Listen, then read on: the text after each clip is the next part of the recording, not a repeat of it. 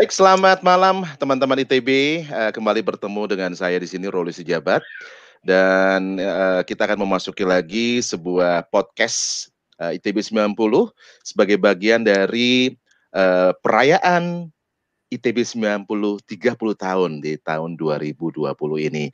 Dan ini udah merupakan sebuah podcast kalau nggak salah yang keempat apa yang kelima dan kita membawa narasumber-narasumber yang memang mempunyai pengalaman-pengalaman yang inspirasi untuk kita semua ITB 90 dan juga ITB lainnya untuk bisa kita ambil insight manfaat dalam kehidupan kita gitu ya.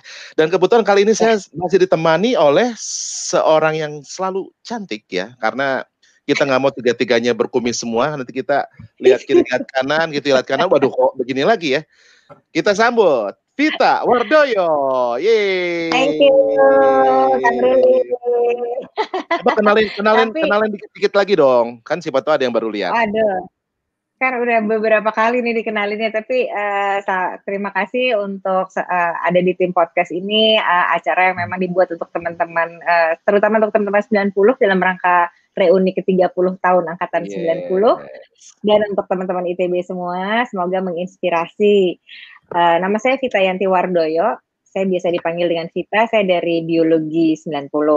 Nah, yang paling penting tapi malam hari ini adalah narasumber kita yaitu okay.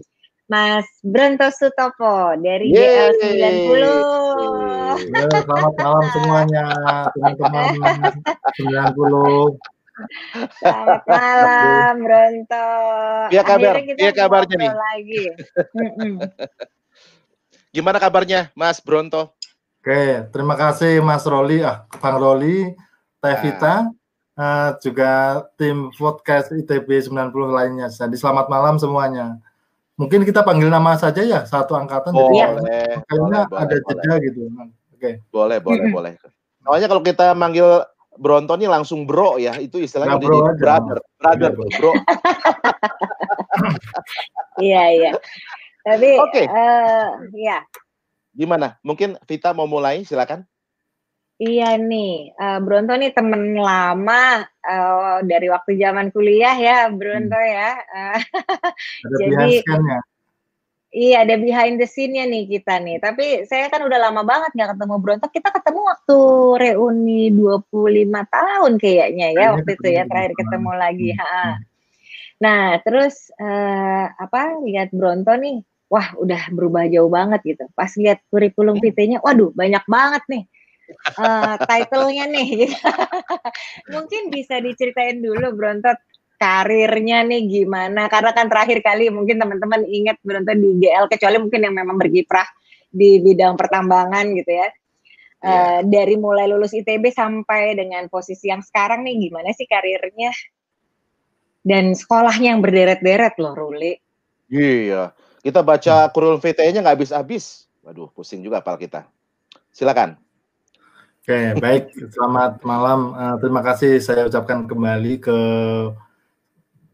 Vita, Truli, dan yeah. bagian dari tim podcast ITB lainnya. Selamat malam. Jadi pertama-tama saya sampaikan di sini uh, saya Bronto Sutopo, jurusan Geologi 90. Saya lahir di Banjarnegara, Jawa Tengah. Hmm, Tetap di, Jawa Tengah. lahir di kampung ya, kampung Jawa Tengah. Kelampok namanya, Desa Kelampok, Jawa Tengah. Oh. Uh, Kelampok itu sebuah desa penghasil tembikar. Uh, tembikar itu hmm. uh, ada ada uh, asbak, ada guci dan sebagainya. Kalau teman-teman melihat nanti di Jakarta ada gajah, keramik gajah, itu kemungkinan besar berasal dari daerah kami Kelampok Banjarnegara. Oh, oke okay, nah, oke. Okay.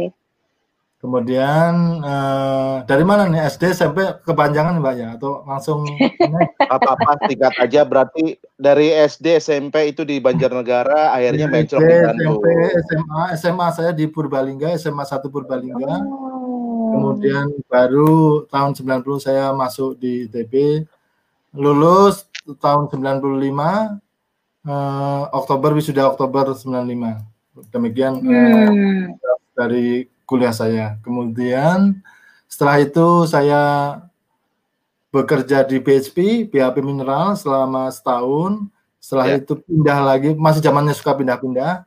ya. bergabung dengan uh, California Energy waktu itu. Setelah itu saya mendapatkan beasiswa ke New Zealand untuk postgrad hmm. diploma engineer geothermal. Hmm. Hmm. Karena uh, sebelumnya teman-teman 90 juga pernah masuk di sana ada Sinta, ada Rati 90, kemudian Yulini. Oh. Setelah itu ada Mbak Suryantini yang sekarang jadi dosen di geologi juga. Nah, okay. setelah itu setelah itu baru saya kembali ke Indonesia bekerja lagi. Kemudian tahun 2004 saya kembali ke Australia untuk mendapatkan uh, eh, S2 dan S3 di sana. S2-nya tidak sampai selesai sebenarnya, hmm. tapi karena langsung di-upgrade ke S3 PhD-nya tersebut. Gitu. Oh, Jadi wow. Jadi tahun 2004 sampai 2011 saya ada di Australia. Oh, 2011 berarti cukup tujuh tahun ya, lama lama juga ya? Uh, lama karena banyak jedanya, banyak apa? Uh, karena berangkat saya ke Australia itu ada klausul khusus di mana yang sponsorin saya kan perusahaan dan di perusahaan itu bisa meminta saat untuk membantu, bisa membantu saya setiap saat untuk bekerja di mana pun uh, mereka minta untuk membantu di mana saja. Jadi saya kadang kadang in out in out begitu. Oke, okay, hmm, okay. gitu. Tapi memang kalau PhD kan dimungkinkan untuk itu ya. Uh, nah, bro, ya kebetulan yang memberikan sponsor uh, saya punya deal khusus dengan apa dengan uh, universitasnya. Jadi saya bisa setengah bul setengah tahun eh tiga bulan sampai setengah tahun untuk live out without uh, apa bukan without pay apa istilahnya tanpa ke kehilangan waktu sekolah gitu durasi hmm. ya bisa tiga bulan sampai enam bulan jadi makanya saya panjang selain itu tahun 2006 hmm. Ya betah. Jadi tahun 2006 sampai 2007 itu malah ada sedikit apa namanya itu kan baru ada Facebook masuk kan? Wah semua PhD semua student itu senang Facebook. Jadi kedodoran juga di tahun itu. Jadi terlena lah gitu kan dari 2006 oh. sampai 2007 gitu. gara-gara Facebook terlena ya. Kok bisa? Ah, ya, kok bisa terlena gara-gara Facebook Enggak, jadi kebanyakan teman yang ada di durasi itu di 2005 sampai 2010 eh, di pas teman-teman angkatan saya itu juga kebanyakan aktifnya aktif di Facebook karena ya mungkin bosan gitu gitu kan gitu. Oh. bisa gitu ya. Lucu juga ya. Ya, iya, iya. beberapa teman juga akhirnya harus DO karena mereka apa namanya melebihi waktunya kan, iya karena aktif di situ mbak. Oh gitu. Oh. Ini Facebook oh. ini ngapain nih? Sebetulnya ngapain di Facebook itu sebetulnya perkenalan kah digital? Ya waktu apa itu 2006 kan istilahnya masih seperti apa namanya uh, orang tuh terbuka gitu bisa berkomunikasi jarak jauh dan mengupload uh, foto dan sebagainya. Memang sebelumnya ada kan kayak Friendster dan sebagainya, tapi tidak segencar Facebook. Dan itu implikasinya ke kita, ke teman-teman student gitu. Kalau menganggap hmm. masih student. Gitu. Luar biasa ya. Padahal sebelum Facebook ada sebuah aplikasi, ada sebuah apa namanya dulu yang cukup terkenal, mungkin pernah dengar MIRC ya, ASL please gitu. Pernah hmm. dengar gak dulu? Vita sama nah, Bronto. Itu ada Friendster kan? Ada Friendster itu kan. Friendster, sebelum Facebook ada Friendster itu. Betul. Habis itu ada aplikasi chat Halo? pertama namanya nah. MIRC, MIRC itu. Jadi terkenal ICQ. dengan kalau kita mau Oke, oke, oke. Kalau nggak salah ICQ itu. Iya, Bronto iya, iya. boleh Bronto boleh pakai earphone enggak atau uh, soalnya suaranya agak putus-putus gambarnya juga ya atau itu justru koneksi aku yang bermasalah ya. mungkin ini juga si sinyal kayaknya karena kadang-kadang gambarnya agak sedikit kabur tuh agak kabur ya gambarnya ya mm -mm. ya sebenarnya okay. saya melihat uh, kita sama Ruli juga berhenti gitu nah. oh halo oh oke okay. iya iya koneksi kali ya hmm koneksi koneksi. Tapi gimana? terus masih bisa okay. nyambung kan ya mas maksudnya masih bisa terlalu parah ya masih masih bisa. oke okay. Masih, masih. Oke, kalau gitu kita lanjut kita lanjut lagi ya. Hmm. Terus jadi kan di sana tadinya katanya betah tuh. Bronto tinggal di negeri nah. orang betah. apa nah. yang bikin betah? Dan apa tips-tips supaya kalau teman-teman ternyata mendapatkan rezekinya itu di negeri orang nih biar betah? Jadi uh, kebetulan uh, saya kan mendapat sekolah dua itu kan dengan uh, penyandang dana yang berbeda, ya kan? Hmm. Waktu hmm. yang pertama itu yang membiayai adalah MFAT kalau nggak salah, Ministry Minister Ministry of Fire and Trading-nya New Zealand. Hmm. Oh, hmm. itu dari pemerintah lah istilahnya kan. Nah itu dengan uh, dana yang seperti mahasiswa biasa lah gitu kan. Nah untuk hmm. yang kedua ini di Newmont, saya sebut perusahaan Newmont yang membiayai saya kuliah sampai PhD itu, itu alhamdulillah sampai anak-anak sampai ya anak-anak itu disekolahkan sama New, New apa Newmont juga. Gitu. Okay. Wow. Jadi, oh. jadi bapaknya dibiayain, ada anaknya juga dibiayain gitu. Itu yang membuat saya senang juga. Okay. Jadi untuk untuk uh, apa namanya finansial saat waktu itu kita tidak pikirkan makanya senang gitu. Hmm, gitu. jadi kalau mau ke, jadi diaspora harus cari sponsor yang ya. kenceng. Ya, jadi waktu itu memang uh, jadi ini memang uh, dari Newmont sendiri aku saya sampaikan di sini uh, Newmont itu tahun 2004 mereka tuh mencari uh, kalau istilahnya bahasa kita tuh kayak manajemen training gitu kan. Oh, manajemen training. Oke, oke, oke tapi kriterianya dua dia harus non harus berasal dari orang yang tidak bisa berbahasa Inggris dari negara non speaking country non English speaking mm-hmm. country satu kedua dia juga punya komitmen untuk uh, membuat rasio gender yang sama antara wanita dan perempuan itu sama itu itu visinya mereka dari sisi SDM. Oh. Misi okay. Di sini saya terbantu oleh program itu artinya uh, kandidat yang maju dari negara yang tidak berbahasa Inggris gitu.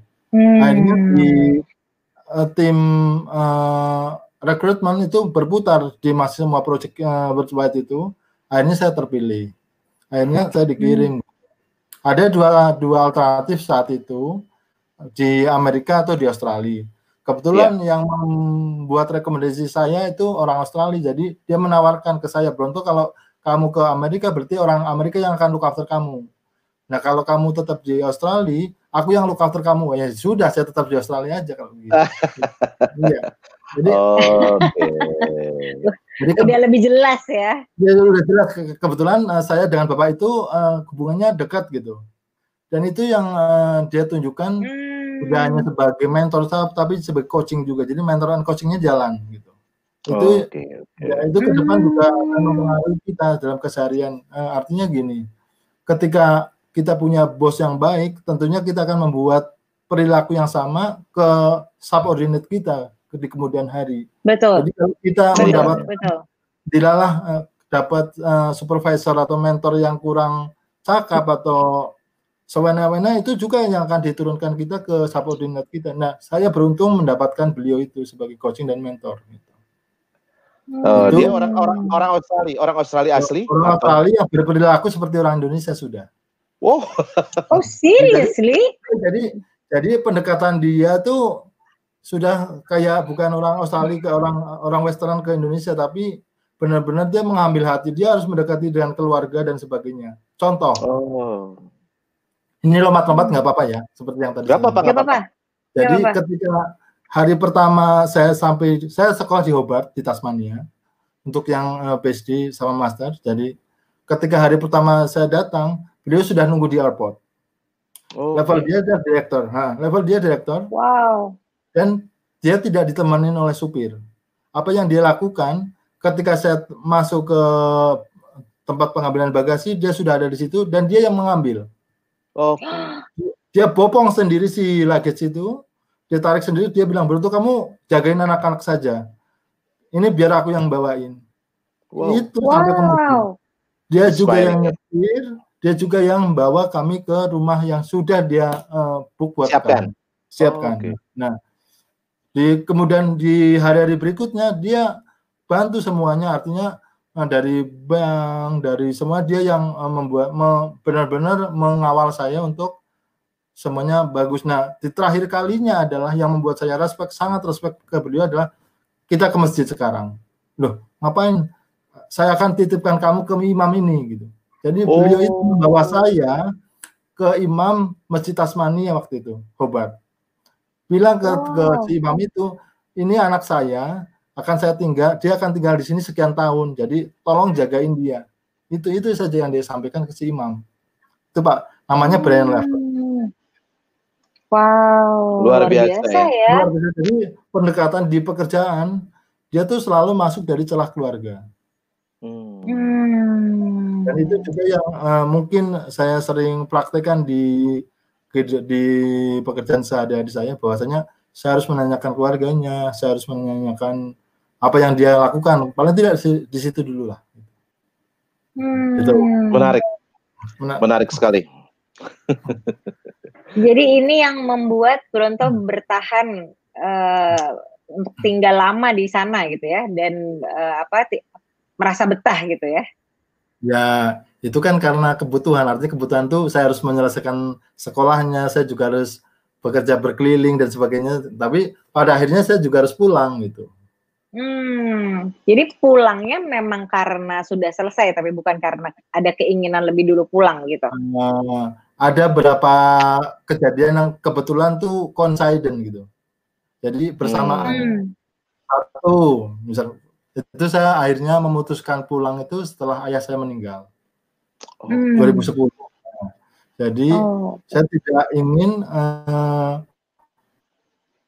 saya kehilangan uh, waktu uh, kan tinggal ibu saja berarti gitu loh. Jadi ketika ayah meninggal saya tidak sempat bertemu dan beliau. Padahal mm. di jauh-jauh hari tahu saya sudah membeli tiket di hari meninggalnya beliau. Itu nggak tahu juga kenapa. Nah, akhirnya saya memutuskan untuk uh, minta izin pulang. Tapi tentunya harus saya selesaikan dulu baru saya bisa pulang, gitu kan. Nah, kebetulan lagi direktur yang tadi saya ceritakan tadi itu sudah pensiun. Pensiun di tahun 2011. Hmm. 2011. Akhirnya saya minta izin ke beliau. Bapak sudah selesai, saya juga ingin pulang ke Indonesia gitu. Akhirnya hmm. saya harus mengurus dengan Newmont, saya pamit dan sebagainya sebagainya. 2011 saya balik ke Indonesia tanpa harus membayar eh, apa istilahnya kan kayak ikatan dinas gitu. Iya iya iya. iya. Kenapa oh. tanpa? Ya tanpa kenapa? ya karena kenapa ya akhirnya saya juga berpikir ini kalau pulang pindah ke perusahaan lain pasti diminta ini kan nah bilang, saya bilang saya mau kerja untuk negara gitu tapi waktu oh. itu belum, belum oh. kebayang mau kerja negara di mana gitu kan hmm. kebetulan sekali juga dari dirutnya Antam nulis di Facebook kapan kamu pulang katanya Facebook juga yang main gitu kan. Oh, Facebook ya. Facebook juga Facebook Rupanya Facebook ini memegang peranan penting bagi kehidupan Bronto ya. Kita, iya, jadi, iya, iya, iya, karena kan kami sering chatting juga tapi lewat eh, lewat Facebook jadi dia kebetulan juga di saat yang sama kapan mau pulang saya bilang yaudah pak besok saya pulang begitu jadi semuanya tuh berjalan dengan apa namanya mengalir ya, mengalir, mengalir, mengalir, mengalir ya mengalir. Hmm. sampai akhirnya saya tidak harus membayar apa namanya uang ikatan dinas dan sebagainya itu karena kerja untuk negara itu. Jadi BUMN itu juga termasuk bagian dari negara. Jadi tidak di oke okay, di okein saja gitu. Oh, oh boleh gitu ya. Oh. Karena nggak ya. kompetitor at least ya. Ya Karena kebetulan saja. Gitu. Oh, waduh, ini Bronto nih banyak rezeki anak soleh nih. Kayaknya nanti doanya kencang ya nih. Hmm. Oke. Nah, terus waktu pulang ke sini langsung masuk Antam berarti? Langsung, langsung masuk Antam. Langsung hmm. di, kebetulan uh, sudah di apa namanya? dirintis dulu ya, komunikasinya gitu kan. Setelah sampai sini ya paling cuma nunggu dua minggu lah kita beres-beres uh, cari rumah dan sebagainya di Jakarta kan. Itu, itu. Oh. Sampai sekarang sampai sekarang. Oke. Okay. Hmm. Nah, berarti dari mulai ini tadi sejarahnya Bronto yang panjang ini sampai balik ke Indonesia berbakti kepada uh, negara nih melalui bangsa. Uh -uh. Itu pencapaian ter menurut Bronto sendiri secara pribadi, hmm. pencapaian tertinggi dalam hidup apa sih Bronto? Kalau ditembak begini langsung ke, kebayang yang mana gitu kan karena semuanya sama kan gitu jadi oke okay. kemungkinan uh, jadi uh, ada satu karena Ruli namanya si jabat saya oh. juga orang putra Tapanuli Selatan loh oh ya oh. daerah sana artinya Masa? begini enggak artinya begini saya bekerja di Tapanuli Selatan itu selama 8 tahun Oh, yang Newmont itu ya. Ah, dari tahun ya, 2000 ya, ya tahun dari tahun 99 sampai keberangkatan saya ke Australia. Berapa? Iya. Lima enam tahun ya? Ya sekitar itulah. Dari 99 dari 99 sampai 2004. Nah, hmm. di situ uh, saya tuh explore explore murni profesional. Jadi selama hidup saya sampai sekarang itu selalu di pertambangan dan panas bumi. Hmm. Pertambangan tuh uh, taruhlah 90% 80% di tambangnya sendiri saya selalu ada di dunia eksplorasi exploration hmm. kan nah di situ pencapaian saya ke titik awal milestone saya ada di Tapanuli Selatan itu di Batang Toru hmm. oh ya jadi saya dan tim itu menemukan emas martabi yang sekarang sedang diusahakan yang sedang ditambang di Jawa di Sumatera Utara Iya, iya, iya, iya. Jadi iya. dari situlah semuanya bergerak. Saya mendapatkan beasiswa juga dari situ. Saya mendapatkan uh, recognize di dunia geologi mineral juga di situ. Jadi semuanya saya anggap pencapaian uh, masa lalu itu ada di situ. Oke, oke, oke. Lima tabe. Ya. Langkah awal, langkah awal iya. seperti sama kayak Neil Armstrong waktu dia ya. melangkah kakinya, itulah. Ya langkah bagi umat manusia ya. Nah, gitu. Jadi uh, ketika orang bilang putra daerah putra daerah, saya juga orang putra daerah Tapanuli Selatan karena saya saya pikir saya bisa saya telah berkontribusi dari sekian belas orang sampai sekitar sekarang 3.000 orang bekerja di sana. Gitu. Wow. Oh, jadi pertambangannya iya. sekarang sudah berkembang sampai sebesar iya. itu ya? Iya. Jadi waktu kami ke sana, kebetulan di sana juga ada Bari, kalau pernah dengar Bari. Oh, Bari. Ya, Abdul, Abdul, Abdul Bari. Jadi ya, kebetulan ya. Bari jadi senior saya di sana waktu itu kan, duluan maksudnya. Oh. Nah, duluan, tapi karena dia rindu anak, makanya dia resign, tinggal saya sendiri. Ya, jadi situlah. Jadi di, di situlah saya ber, mencoba bertahan kan. Uh, tujuh tahun, lima tahun, enam tahun ada di Martapi. Hmm. ketika banyak dan sebagainya sebagainya tapi saya yakin saya pasti ada sesuatu yang di sini yang bisa membuat saya uh, lebih berarti untuk negeri ini gitu. ternyata itu iya iya iya iya wow jadi kelihat, okay, kelihatannya Bronto ini memang selalu angka tujuh ya tujuh tahun di Martabe tujuh tahun di Australia Wah. dan tujuh tahun lagi. Saya hitung ini, eh? baru kepikiran ini. Jadi selalu angka tujuh nih kayaknya ini. setuju, setuju. Oh, jadi kalau um, tadi dengar Bronto, uh, maksudnya meskipun ditinggal Bari, terus di sana sendiri, orangnya hanya berapa belas, tapi kok bisa tetap punya keyakinan itu bahwa di situ bisa ada sesuatu itu dari mana datangnya keyakinan itu Bronto? Ya jadi kebetulan uh, geologi, geologis nih, saya cerita geolog. Geolog itu punya proud itu kalau dia pernah menemukan discovery.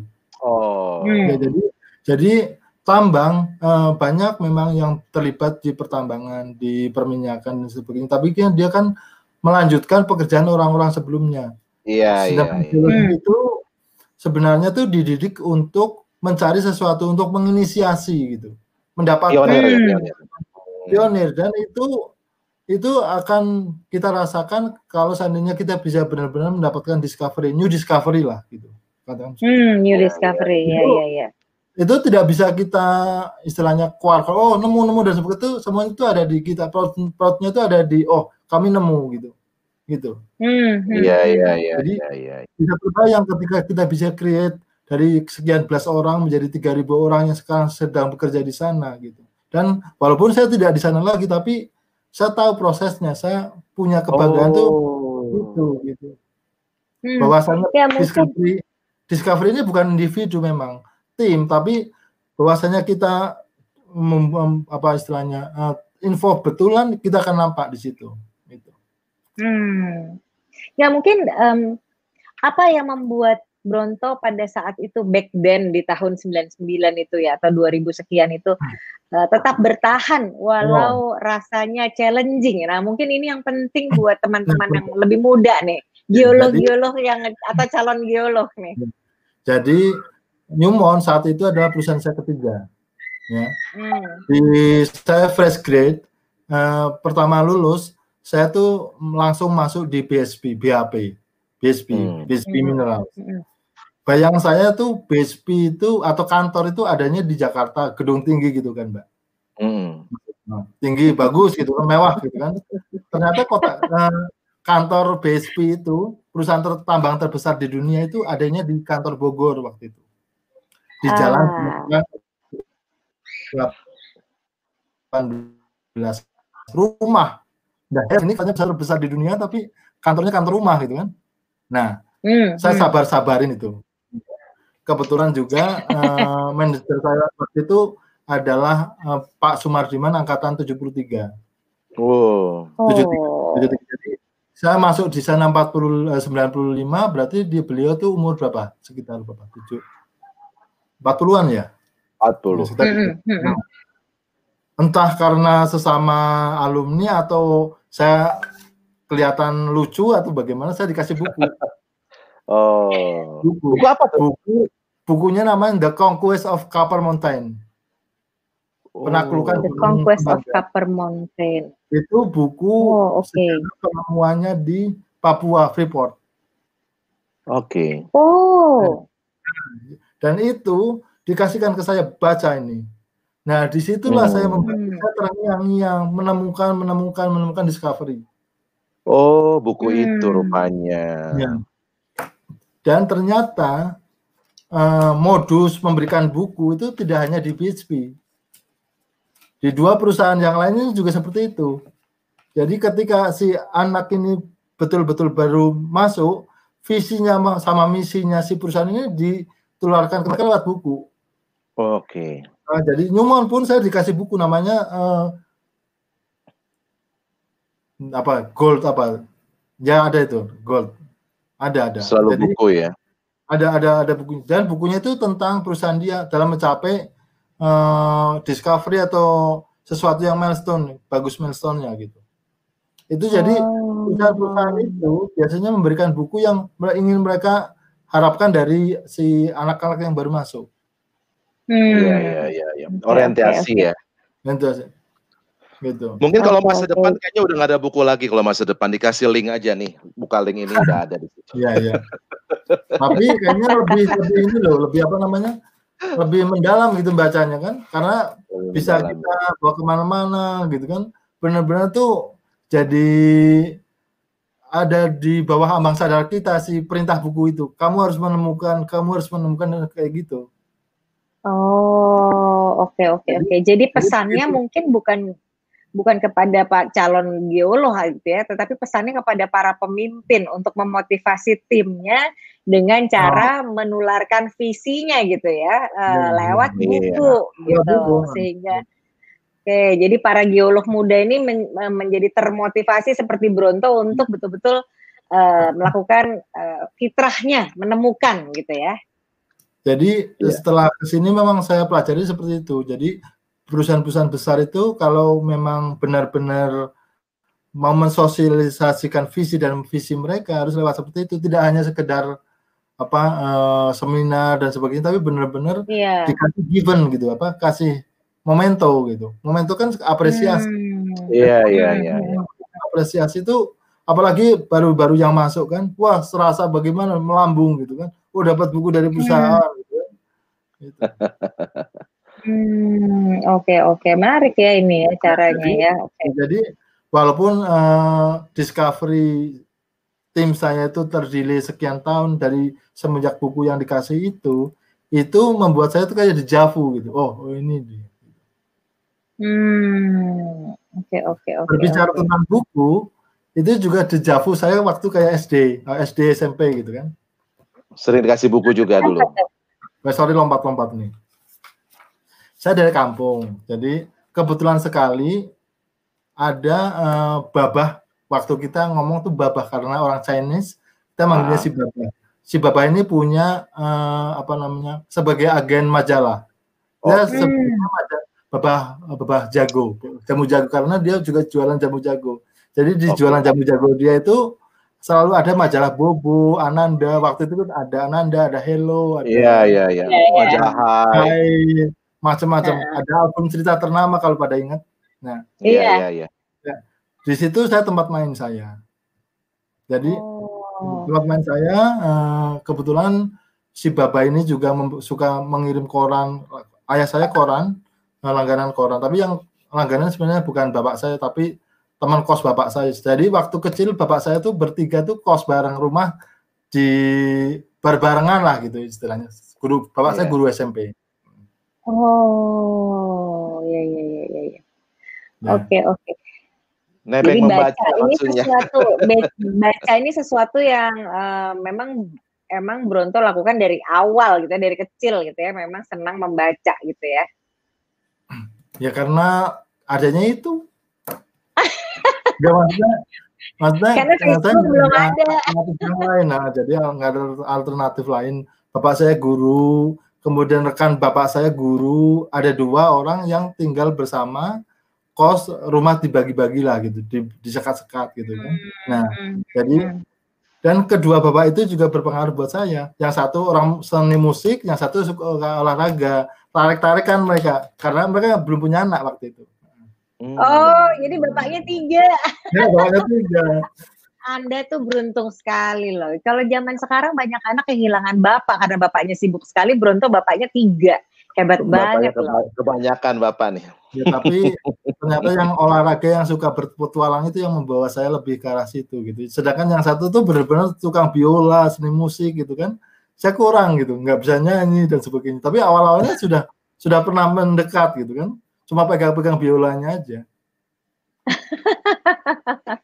Nah, ngomong-ngomong tadi katanya ada bap- bapak yang senang olahraga nih, Hmm. Bro. Ah, olahraga apa sih yang digeluti dari dulu sampai sekarang masih menjadi sebuah kebiasaan olahraga? Oh. Ya, kebetulan eh, si bapak itu juga berpengaruh banyak buat saya. Jadi bapak itu mengenalkan badminton dan silat waktu itu ke saya. Oh, Jadi ya silat.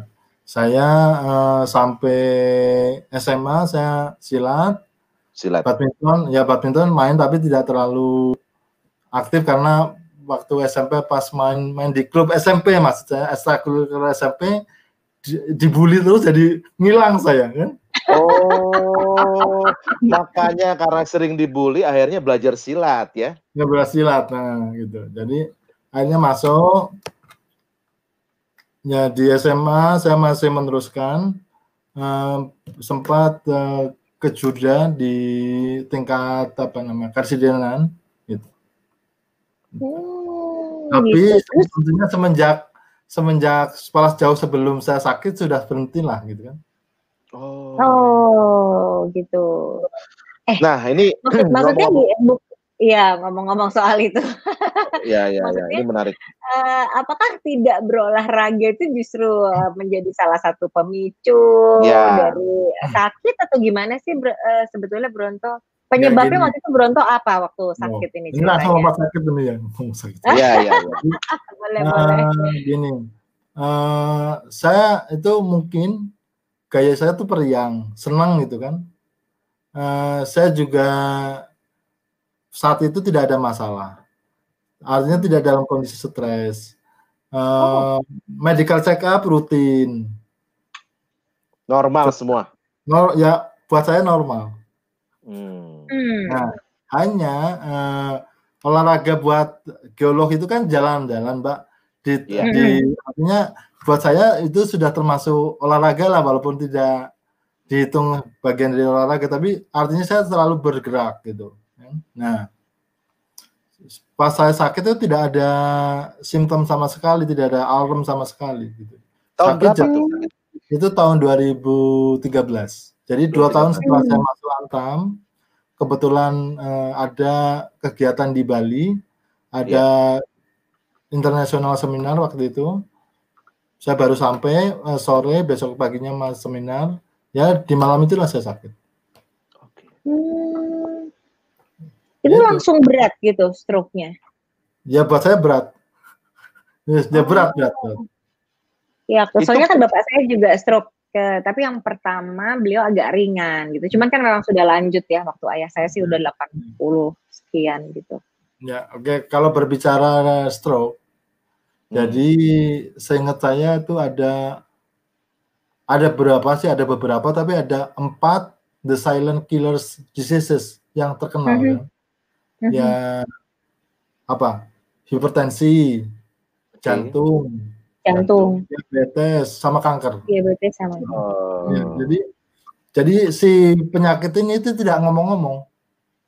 Hmm. Artinya tidak tidak jelas. Jadi siapa pun uh, bisa punya potensi yang sama seandainya dia ignore dengan uh, apa sebenarnya uh, gejala-gejala yang ada. Sedangkan saya dan mungkin kebanyakan teman-teman kita itu sering ignore uh, cekot-cekot sedikit ah ini mungkin lagi ngapain? atau capek dikit atau apa. Kadang-kadang kita tidak pernah merasakan itu. Artinya hmm. tidak me, ya mengignore tadi mengignore tadi mengabaikan lah gitu. Mengabaikan tidak menganggap serius ya. Iya jadi apalagi eh, orang-orang lapangan seperti saya ah paling seperti ini ah paling seperti itu gitu. Jadi mungkin ini yang jadi si alarm itu uh, bahasa Jawa ini dol gitu apa dol itu apa ya Iya. Enggak, loss, Nah, jadi nah, udah nggak nggak bisa terdeteksi lagi gitu. Jadi mau hipertensi saya tinggi atau rendah tuh saya tidak terlalu banyak pengaruh. Oh, tapi emang awalnya jadi ternyata karena hipertensi. Kemungkinan juga karena orang tua saya juga sakit stroke-nya, meninggalnya beliau. Oh, gitu. Gitu. Ya, ya, ya. ya. Hmm. Wah, tapi kan ternyata dari tahun 2013 sampai hmm. sekarang berarti kan udah tujuh tahun kan ya? Iya, iya, tahun. tahun. waktu kita ketemu tahun 2015 dengan saya lihat Bronto sekarang, sekarang tuh tampak sehat Jauh dan segar, segar ya, gitu. Ya, sehat kalau jadi, duduk. Kenapa? Ya, ya jadi gini, uh, waktu saya stroke itu kan saya ini mungkin agak cerita detail nggak apa-apa ya? Atau apa, apa, apa. Jadi dua minggu saya di Sanglah karena kejadiannya di Bali. Habis itu hmm. saya dievakuasi ke Jakarta itu enam minggu. Apa maksudnya di rumah sakit RSPAD itu enam minggu sampai tujuh minggu lah, singkat saya. Oke. Okay. In total dua bulan. Nah, oh. setelah dua bulan itu dokter saya yang merawat berpesan, dokter apa yang harus saya lakukan sekarang? Dia bilang ya biasa saja, cuma begitu keluar dari sini jangan langsung pulang rumah dulu ya. Ke mana? Kamu ke mall katanya. Kok ke mall? Ke mall. Jadi betulan ke mall. Cari mall yang rame. Kenapa rame? Nanti kamu rasakan itu. Karena dulunya kamu gagah kuat dan sebagainya kamu akan merasakan di situ eh, apa namanya semua orang akan merasa kamu akan punya perasaan orang tuh melihat kamu semuanya. Kamu kuat jalan atau tidak jadi pesan saya pesan beliau adalah kuat tidak melihat orang itu kamu sebagai orang yang tidak mampu. Orang oh. yang tanda kutip uh, tidak bisa seperti yang dulu. Kuat tidak gitu. Betul. Hmm. Jadi akhirnya uh, saya diantar istri saya ke mall, saya ditinggal, saya suruh jalan sendiri dan menggunakan tongkat waktu itu memang yeah. berbeda. Berbeda sekali rasanya jalan sebelum saya sakit dan setelah sakit. Di mana semua hmm. orang tuh melihat saya, oh jadi betul-betul seperti berjalan di dunia yang baru gitu. Tapi okay. itu yang harus dihadapin. Jadi ketika orang banyak bertanya kamu kenapa kenapa dan sebagainya harus dijawab dengan apa adanya. Uh, ya itulah uh, salah satu perjalanan yang betul-betul kita terima gitu. Acceptance berarti ya. Maksudnya dokternya ini pertama kali saya rasa nggak banyak dokter memberi nasihat itu sih. Jadi beruntung sekali lagi beruntung mendapatkan dokter itu iya. uh, untuk memberi nasihat. Jadi berarti kan begitu dinyatakan sembuh, at least dari perawatan rumah sakit hmm. gitu ya, nomor hmm. satu yang harus dilakukan adalah acceptance berarti yeah. ya. Oke, okay, terus setelah yang setelah melalui yang pertama ini apa yang dilakukan sama Bronto? Ya, Jadi um, tentunya siapa pun yang sakit, uh, ini metode pengobatan. Jadi banyak sekali tawaran ke kita kan, cobalah kamu ke alternatif sana A, B, C, D atau oh. yang bagus dan semuanya kan. Itu hmm. sangat banyak sekali tawaran yang seperti itu. Dan yeah, iya, kebetulan yeah, yeah. Uh, kondisi saya tuh masih boleh tidak masuk untuk sekian hari atau sekian bulan kan. Tapi kalau saya pikir, tapi kalau saya ikutin semuanya, waktu saya habis. Hmm. Waktu saya habis dan uh, waktu itu. Jadi karena harus ikut. Kalau misalkan ada yang di Purworejo, ada yang di Magelang ataupun di mana di mana, kalau semuanya kita ikutin kita walau alam. Jadi hmm. akhirnya saya putuskan ya sudah saya terima seperti ini. Semuanya uh, ya ini ada bagian dari yang saya harus terima. Jadi hanya hmm. mengikuti yang medis saja, tidak mengikuti alternatif apa? Uh, belum, secara belum, belum ya. Belum. Jadi bukannya karena tidak percaya itu bukan, tapi karena waktu.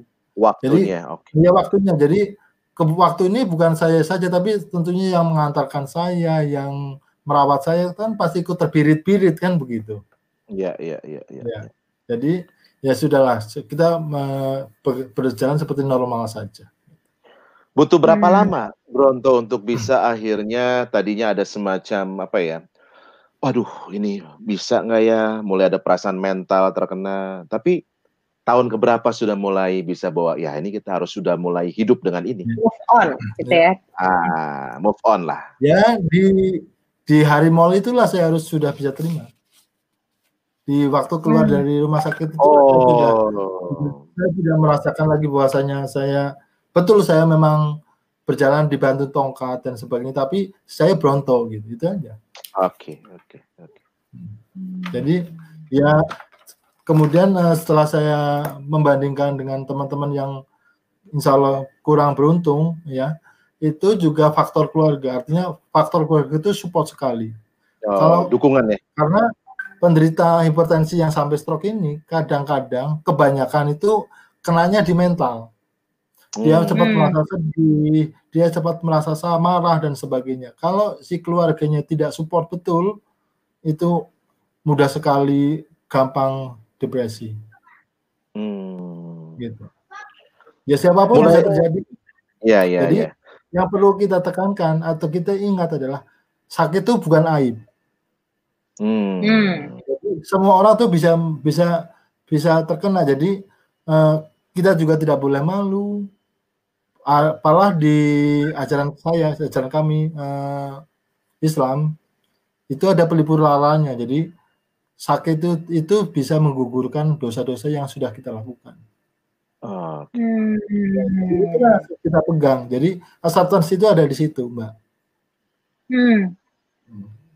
Acceptance saya okay. ada di situ. Jadi nah.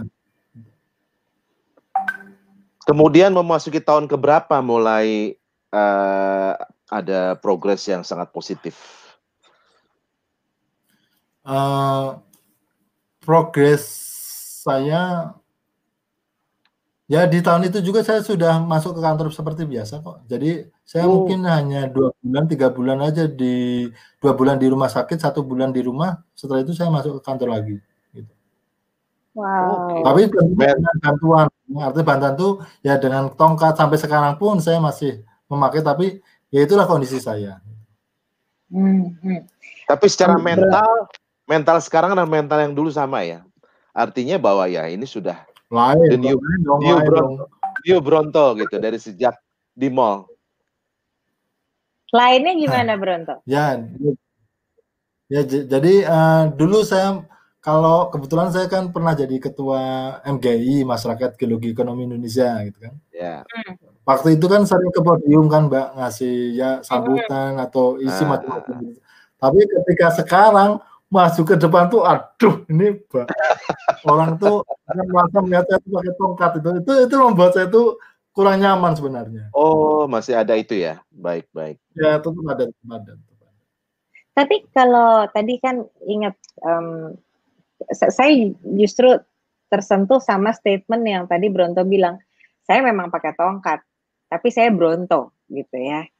Uh, nah, Bronto ini sebetulnya apa sih yang value yang Bronto paling pegang? Justru menurut saya karena nggak banyak orang yang bisa langsung accept dan move on secepat itu tuh nggak banyak iya. loh. Ya, uh, mungkin uh, saya berontonya itu muncul begitu saja. Artinya saya hanya menunjukkan bahwasanya nilai nilai-nilai yang dulu yang pernah saya terima itu sampai sekarang sama. Komitmen. Hmm. Komitmen, oke. Okay. Apalagi? Konsistensi. Apa? Ya. Konsisten. Komitmen. Konsisten. Konsisten dan komunikasi walaupun komunikasi saya juga sedikit terganggu tapi uh, komunikasi kan tidak harus dengan verbal saja tapi artinya yeah, yeah, saya yeah, tetap yeah. menjaga silaturahmi saya tetap berkunjung ke orang dan sebagainya itu saja yang saya pegang komitmen hmm. gitu hmm. saya punya komitmen komitmen itu serius gitu iya yeah, iya yeah. Pada keluarga pada yeah, yeah. perusahaan pada iya. orang-orang yeah. lain gitu yeah. ya oke oke jadi mungkin uh, itu yang tetap harus dipegang gitu ya uh, supaya kita bisa cepat accept itu tadi ya hmm. itu saya salut sih kalau dalam waktu maksudnya keluar rumah sakit lalu bisa langsung accept dan langsung detik itu juga memutuskan untuk move on karena memang move on itu kan sebuah keputusan ya ya itu juga mungkin dilatari kebutuhan juga kan mbak? Tapi enggak semua orang begitu. Jadi ada ya maksudnya ya accept iya tapi move on enggak enggak kalau kata anak zaman sekarang kan galau gitu kan ya. Bapernya kelamaan hmm. gitu bisa jadi. Pikir enggak jadi ya mungkin saya sampaikan tadi bahwasanya eh, kita tidak bisa menanyakan lagi kenapa saya kenapa saya tapi memang saya yang dipilih gitu aja hmm. kalau mungkin saya terkenanya lima tahun ke depan atau belakangan mungkin berbeda juga cara ininya kan eh, cara penanganannya gitu kekuatannya kesanggupan saya menerima kenyataan lain hmm. walaupun pada saat kena saya di umur 40-an pas hmm. pas artinya di tingkat-tingkat di puncak-puncaknya gitu betul betul ya oke okay. ada ada satu hmm. satu pertanyaan lagi sebelum uh, lanjut Hmm. Apakah uh, Bronto ini juga memang punya sebuah society atau komunitas yang uh, saling mendukung ya sesama penyandang stroke gitu ya? Apakah ada punya itu atau memang jalan sendiri? Uh, enggak ada ya jadi memang beberapa kali saya ditunjukkan ada klub-klub seperti itu tapi yang kan itu kalau saya datangin uh, mungkin waktu-waktunya terbuang banyak sedangkan uh, oh itu kan bisa kita trigger sendiri gitu. Jadi teman-teman yang berkumpul itu memang harus saling eh, mensupport satu sama yang lain. Cuma kuncinya adalah di dari keluarga dulu. Kalau keluarganya tidak support ya akan kembali lagi dia ke rumah juga tidak ada yang support gitu.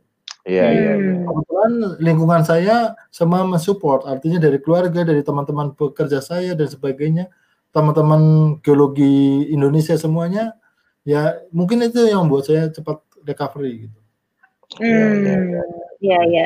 Jadi relasi yang baik dan ya, support baik. dari dari orang-orang ya. yang dekat gitu ya. Karena hmm. memang di di sebuah research yang dibuat sama Harvard University emang rahasia umur panjang antara lain adalah ya. uh, hasil dari relasi yang baik gitu ya sebetulnya. Oh, ya. Oke, okay. nah Bro, ini kan uh, berhasil nih akhirnya, maksudnya uh, dari dari situasi yang mungkin challenging nih bagi banyak orang gitu ya, berhasil move on dan uh, justru apa menunjukkan prestasi yang terus ada sampai sekarang.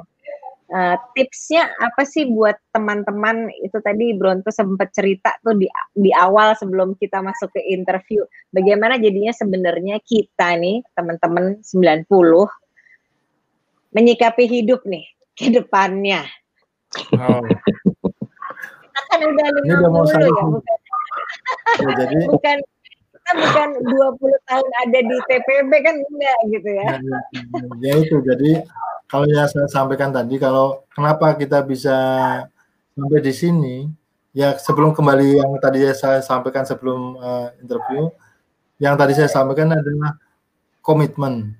Jadi hmm. komitmen saya masih seperti yang dulu artinya ya saya masih seorang geolog geolog masih suka pengen discovery masih pengen menemukan sesuatu dan itu juga didukung oleh konsisten konsistensi hmm. kita nah konsistensi kedua itu tidak tidak cukup kalau kita tidak bisa menebak perkembangan di perusahaan terutama lah.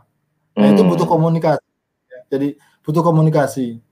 Di BUMN terutama atau di yang lain itu perubahan BOD kan merubah visi dan misi perusahaan kan. Nah, hmm. itu yang harus kita sikapi komitmen dan konsistensi kita dengan komunikasi yang baik. Artinya anggap uh, komunikasi BOD itu jadikan visi corporate.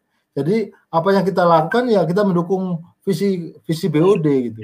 Nah itu cara bagaimana hmm. komunikasi itu tidak membuat uh, pihak lain merasa kecewa atau pihak lain merasa itu. Yang penting kita lakukan komitmen dan konsistensi untuk corporate itu itu itu dari sisi kenapa kita bahas sampai di sini.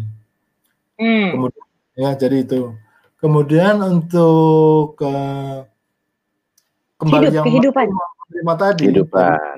kehidupan masa depan kita yang kita bayangkan waktu SMP SMA mungkin sudah ya di sini posisi kita sekarang. Syukur-syukur kita masih ditambah 20 tahun lagi, 10 tahun lagi alhamdulillah. Tapi apa yang kita bayangkan yang dulu itu mungkin sudah sampai di sini sekarang. Dan itu yang kita perlu syukuri. Saya sudah mendapatkan tambahan umur, Mbak. Waktu saya pikir hmm. itu jadi apa yang saya terima sekarang detik by detik itu sudah saya syukuri sekali gitu. Jadi ngoyo dan sebagainya harus sudah mulai kita uh, turunkan temperamennya, temperaturnya apa, apa istilahnya? Uh, skalanya ambisi. lah. Oh, skala. Ambisi harus nah, jadi skalanya harus kita turunkan karena mungkin saja mungkin bisa jadi apa yang kita bayangkan apa yang kita citakan sebagai masa depan waktu kita SMA, TPB tingkat satu itu ya sekarang ini. Iya. Yeah, ya. Kan? Nah, jadi oke okay lah. Jadi sisanya ini kita harus berbuat baik, dan umur panjang itu jadi berdoanya ya kita hanya berumur panjang agar umur panjang kita tuh bisa digunakan dengan membantu orang berbuat baik dan demikian.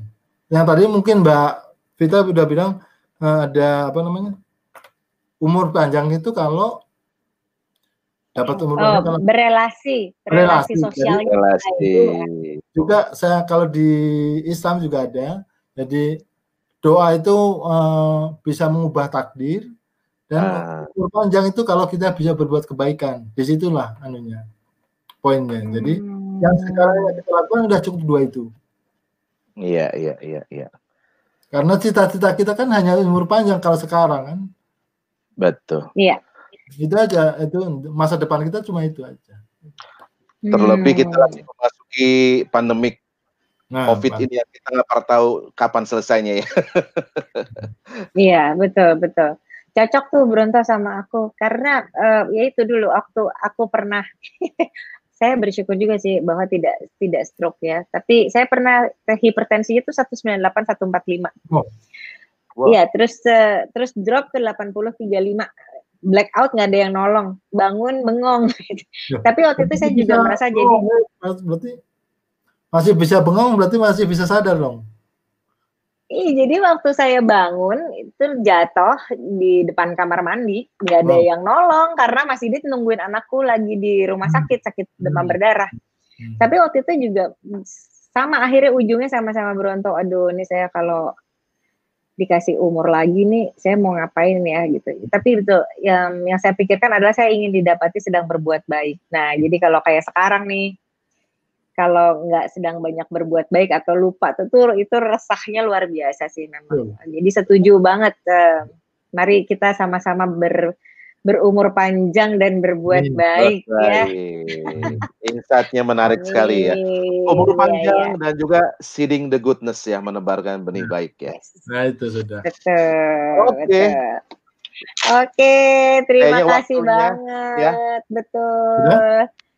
Sudah. Okay. Jadi terima kasih banget Bro sudah mau berbagi bersama kita Kang Ruli. Terima kasih Sama-sama untuk teman-teman tim podcast ya, Kang ya, terima Foto. Kasih juga saya sampaikan ke tim podcast 90 juga untuk semua teman-teman 90 eh, ITB sehat dan saling jaga silaturahmi di antara kita ya. Amin. Terima kasih. Amin. Selamat malam. Terima kasih. Selamat malam. Selamat malam semuanya.